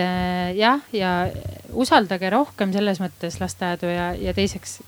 julgege nagu rääkida nendest asjadest, et äh, ma ei tea küll ühtegi või noh, selles mõttes, et ma ei tahaks uskuda, et äh, kui nagu päriselt on äh, need inimesed, noh, keda mina tean, lasteaiaõpetajad või need lasteaiad, mida mina tean, et kui keegi tuleb oma murega, et siis öeldakse, et noh, et see on nagu teie mure, aga meil siin on mingid kellaajad ja nii see on ja jääb. et tegelikult me kõik, praegu on see kõik muutumises ja kui võib-olla enne teid seal kuskil lasteaias, kus te käisite uurimas, ei olnud siis juba praegu on seal natuke midagi muutunud. et need kõik need inimesed ju mõtlevad selle peale igapäevaselt. ja õpetajate koormus on tegelikult äh, praegu väga-väga suur ja me kõik nagu proovime kaasas käia ja leida, mis sellele tänasele lapsele on kõige parem. uskuge mind, aitäh.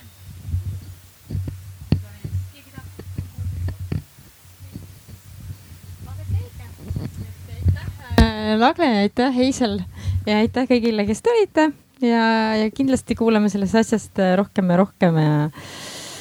ja nii ongi, jah